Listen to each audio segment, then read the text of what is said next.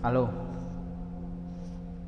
teman-teman yang terkasih, salam jumpa di podcast edisi kali ini di cerita Mas Kindo. Saya ingin menyapa teman-teman yang pernah berproses bersama di kelas 11 IPS 2. Ya, saya menyapa ada Adin Benedik, ada Albert Richard, ada Anastasia Dian, ada Ayu Patricia, ada Cristiano Aditya, ada Christopher Alviano, ada Dave Revel, ada David Raymond, ada Darren Marcelino, ada Felicia Sakana, ada Floyd Halilintar, ada Franciscus Constantino, ada Frederick Januar, ada Gabriel Partogi, ada Gracia Arlen, ada Johannes Michael, ada Kesia Serafim, ada Marcia Emanuela, ada Matthew Brilian, ada Michael Emmanuel, ada Rafael Anggit, ada Rafaela Natania, ada Selma Elan, ada Sandy, ada Vanessa Ivana, ada Victoria Veronica dan ada Vincent. Bagaimana kabar kalian? Semoga selalu sehat, semoga selalu mendapatkan hal-hal baik dalam proses hidupmu sampai dengan hari ini. Ya, podcast edisi kali ini saya khususkan untuk memberikan dedikasi kepada kalian yang pernah berjuang bersama di kelas 11 IPS 2 dan hasil yang kamu dapatkan dalam proses pembelajaran di kelas 11 IPS 2 ini sudah kamu ketahui dalam beberapa minggu yang lalu. Mungkin ada yang belum mengetahui mungkin masih belum tahu nih saya lanjut ke mana apa pun hasil yang didapat itu adalah hasil dari proses pembelajaranmu. Proses pembelajaran yang tidak bisa dikatakan mudah, tapi juga tidak bisa dikatakan sulit juga, tergantung dari sudut mana kita melihat dan memandangnya. Nah, pertama-tama juga saya ingin mengucapkan maaf karena mungkin sebagai wali kelas saya kurang maksimal saya sudah pernah mengatakan ini sebelumnya tetapi saya merasa harus mengatakan ini karena ya saya sadar. Saya bukan wali kelas yang mungkin bisa memenuhi ekspektasi kamu sebagai wali kelas yang sebelumnya waktu kamu kelas 10 atau mungkin waktu kamu di SMP atau bahkan mungkin di SD tetapi ya saya tahu bahwa saya bukan sosok sempurna, ada kekurangan, ada juga kelebihannya. Tetapi itu pun juga sama dengan kamu.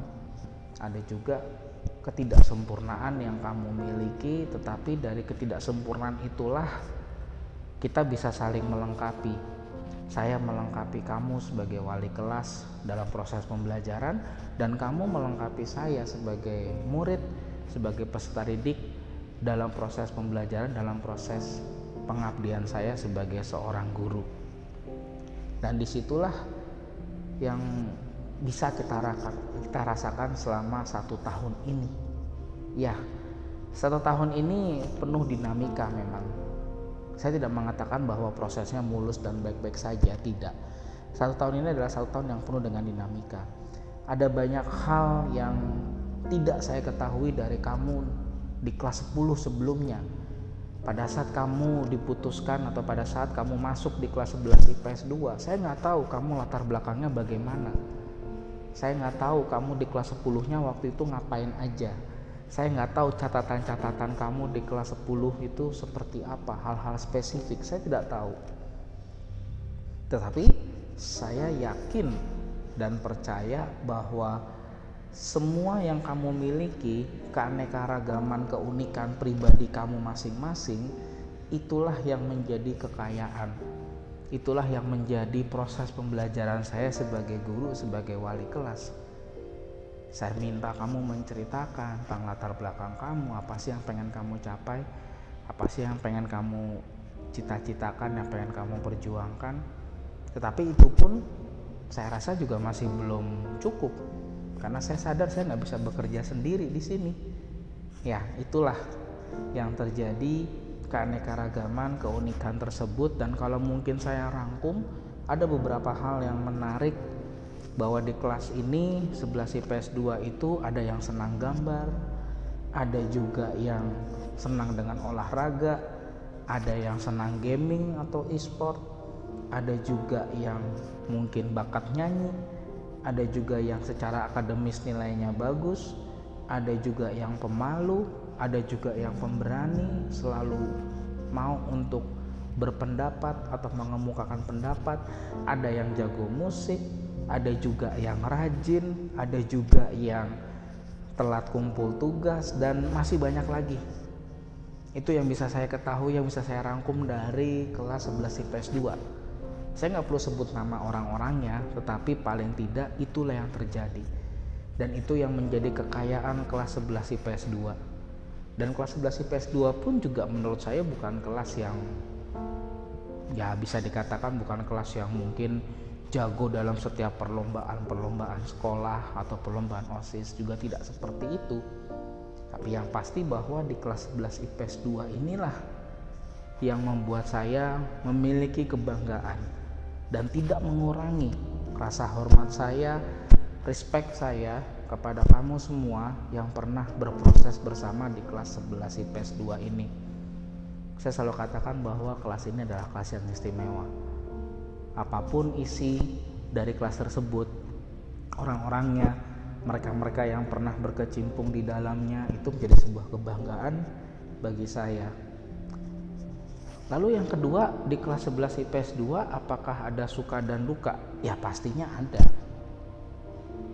Saya mengalami rasa suka dengan kelas 11 IPS 2 pada saat saya bisa bertemu bisa berinteraksi, bisa ngobrol, meskipun sempat terbatas dengan pembelajaran online atau pertemuan secara online, tapi pada saat pertemuan secara offline, meskipun nggak semua ya, pada waktu itu PTMT, tetapi itu membuat saya memiliki rasa suka bahwa oh inilah saya bisa bertemu berinteraksi meskipun nggak 100% tetapi kalau misalnya kita kaitkan dengan duka itu pun juga ada. Ada rasa duka saya yang muncul pada saat ada berita-berita, informasi-informasi dari guru mapel terutama tentang kelas 11 IPS 2 di mana kelas 11 IPS 2 kurang tanggap dalam mengumpulkan tugas, di mana kelas 11 IPS 2 tidak cukup tepat waktu dalam memberikan tugas yang sudah diberikan guru mapel itu ya ada sedihnya juga. Dan itu menjadi proses bagi saya pribadi untuk belajar. Saya sebagai seorang guru pun juga saya selalu belajar. Belajar sih bagaimana menghadapi suasana kelas, bagaimana menghadapi karakter anak, karakter kamu yang tentu berbeda jauh dengan saya. Saya bukan usia muda, bukan usia 20 tahunan lagi.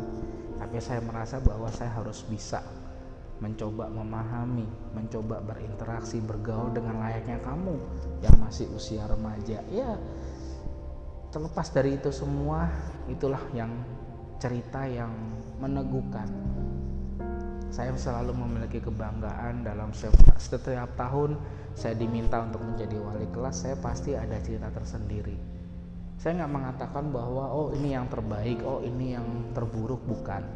Bukan masalah terbaik atau terburuknya, tapi saya yakin dan percaya setiap tahun Tuhan memberikan kepada saya sebuah pengalaman belajar bersama dengan anak-anak yang Tuhan titipkan yang punya keunikan masing-masing dan itu menjadi kebanggaan saya. Dan ya itulah di kelas 11 IPS 2 satu pengalaman yang tidak akan pernah terlupakan. Untuk anak-anak sekali lagi teman-teman di kelas 11 IPS 2 yang sekarang mungkin sudah bukan di kelas 11 IPS 2 lagi saya nggak tahu kamu di kelas berapa apakah kamu masih di kelas 12 nanti? Atau mungkin kamu pindah ke kelas 11 saya nggak tahu. Ya intinya adalah apa pun yang kamu dapatkan yang akan kamu lanjutkan proses pembelajaranmu saya hanya mau mengatakan lanjutkanlah itu. Kalau yang sudah menerima rapot, sudah melihat, itu ada kata-kata ungkapan yang saya selalu berikan kepada kamu di kolom catatan wali kelas bahwa proses pembelajaranmu itu bukan selesai, itu menjadi awal kembali. Kamu mungkin selesai menerima raport, kamu merasa bahwa ah sudah selesai belajar saya. Sebetulnya tidak. Sebetulnya tidak. Karena itu adalah awal lagi untuk proses belajarmu di jenjang yang berikutnya. Maka saya hanya mengatakan, saya berpesan, lanjutkanlah proses belajarmu yang baru. Entah di kelas 12 atau mungkin di kelas 11 lanjutkanlah proses belajarmu. Hal-hal yang harus diperbaiki perbaiki. Hal-hal yang perlu ditingkatkan segera tingkatkan. Siapa pun wali kelasmu nanti siapa pun guru mapel yang kamu temukan bahkan siapa pun teman-teman yang nanti kamu temui di kelas yang baru yang mungkin berbeda dengan kelas yang sekarang ya itu menjadi tantangan bagi kamu. Sekali lagi, belajar itu bukan proses mendapatkan privilege atau kemudahan, bukan cuma sekedar itu. Belajar itu adalah proses. Proses itu ada tahapan-tahapannya. Nah, mungkin ini tahapan yang akan kamu hadapi yang bisa jadi lebih berat, lebih banyak dibandingkan waktu kamu di kelas 11 IPS 2. Jadi nggak berhenti belajarmu. Selesai di kelas 11 ada proses belajar lagi yang berkelanjutan yang bertahap dari waktu ke waktu. Dan memang bukan hal yang mudah tetapi saya selalu berdoa supaya kamu selalu mendapatkan yang terbaik.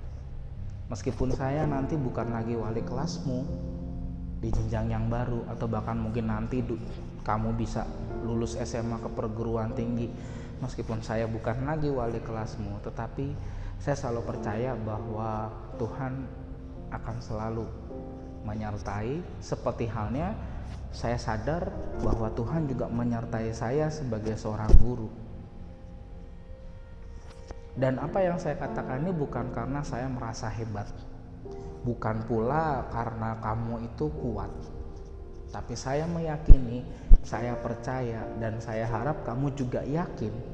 Kamu juga percaya perjalanan hidupmu yang paling baik sudah Tuhan buat. Perjalanan hidupmu yang paling baik itu sudah Tuhan buat. Baiknya bagaimana? Ya baiknya mungkin dengan tantangan-tantangan, baiknya mungkin dengan proses yang tidak mudah, itulah yang sudah Tuhan buat untuk kamu. Sama seperti saya juga mengalami proses sebagai seorang guru, itu juga Tuhan sudah membuatnya untuk diri saya. Sedikit berbagi cerita pada waktu itu saya pernah berhenti, mau berhenti menjadi seorang guru. Pada saat kuliah loh ini. Jadi waktu itu sekitar tahun 2008 saya sudah merasa nyaman untuk mencari uang. Dengan apa? dengan menjadi pembicara dengan mengisi retret rekoleksi di sekolah-sekolah. Saya merasa sudah saya sudah merasa punya penghasilan. Banyak orang yang mengakui bahwa saya bisa wah jadi pembimbing retret aja. Mas Gindo jadi pembimbing retret aja bagus kok. Ini Kak Gindo luar biasa. Banyak masukan-masukan seperti itu. Saya merasa tertantang untuk eksplor diri saya sebagai seorang pendamping retret. Melatih karakter building memberikan seminar dan sebagainya. Dan saya punya penghasilan dari situ. Tapi kuliah saya bagaimana? Dan saya pernah berhenti untuk ah ngapain lah gue terusin kuliah? Saya pernah seperti itu. Dan ternyata Tuhan memberikan jalannya kepada saya. Bagaimana jalannya? Ada seorang kawan senior saya kawan senior saya yang dia pernah ngajak ngobrol kita berbicara ngobrol biasa pada saat setelah selesai program retret itu kami malam harinya sebelum istirahat dia mengajak ngobrol. Lalu dia mengatakan dia waktu itu apa uh, orang senior ya di atas saya usianya tapi juga kami sama-sama kuliah di tempat yang sama. Dia mengatakan seperti ini saudara Gindo itu kuliah bagaimana? Saya katakan ah kuliah mah gampang lah saya udah punya penghasilan ini. Lalu dia bilang jadi gini dalam suku Batak karena dia orang Batak ini bukan underestimate ya. Dalam suku Batak kebanggaan seorang orang tua itu pada saat bisa menye, menyekolahkan anaknya sampai selesai. Jadi tolong kamu meskipun punya penghasilan kamu sudah diakui sebagai pendamping retret tapi tetap kamu punya tanggung jawab untuk kuliah menyelesaikan pendidikan. Telah selesai dari pendidikan sebagai seorang guru terserah kamu mau ngapain. Terserah kamu mau bikin IO atau apa pun itu terserah. Tapi selesaikan dulu kewajibanmu karena itu menjadi hutang dari untuk orang tua di mana orang tuamu sudah sudah menyekolahkan kamu. Kebanggaan dari orang Batak itu seperti itu. Tapi karena kamu adalah orang Jawa mungkin punya pemikiran berbeda tetapi kita berbagi aja. Dia cerita seperti itu. Dan di situ saya merasa seperti ada teguran Tuhan. Oh iya.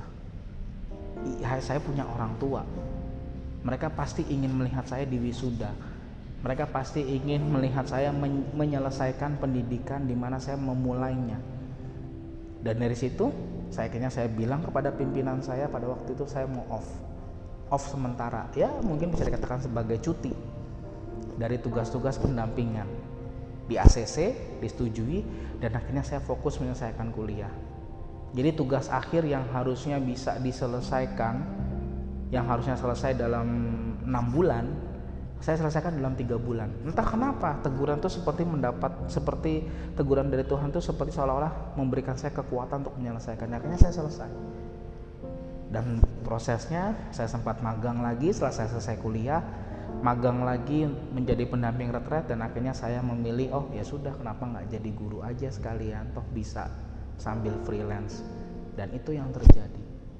Maka dari cerita tersebut saya merasa bahwa ya inilah yang namanya proses tidak mudah tapi pasti Tuhan sudah buat yang terbaik. Tinggal kamu mau mengikuti atau tidak tinggal kamu mau percaya atau tidak dan tentu saja terakhir bahwa proses Tuhan tersebut yang sudah dibuat harus dibarengi dengan usaha dan juga upaya kamu yang maksimal. Jangan lantas menjadi kendor, jangan lantas menyepelekan, jangan lantas menjadi ah baik-baik aja. Apa pun yang terjadi, maksimalkan segala yang kamu miliki. Perjalanan kamu masih panjang, kamu masih SMA, mungkin akan ada banyak cerita-cerita yang lain yang bisa kamu alami nantinya. Saya dengan senang hati akan menunggu kamu untuk bercerita itu kepada saya. Jadi saya tunggu cerita terbaik, hasil terbaik yang bisa kamu dapatkan pada saat kamu melanjutkan proses belajarmu ini. Apa pun, yakinlah bahwa Tuhan pasti akan menyertai. Berjuanglah secara maksimal, berupayalah untuk hasil yang terbaik. Itu saja dari saya dalam podcast edisi kali ini. Selamat berjuang, selamat berproses, selamat belajar. Deus Providebit.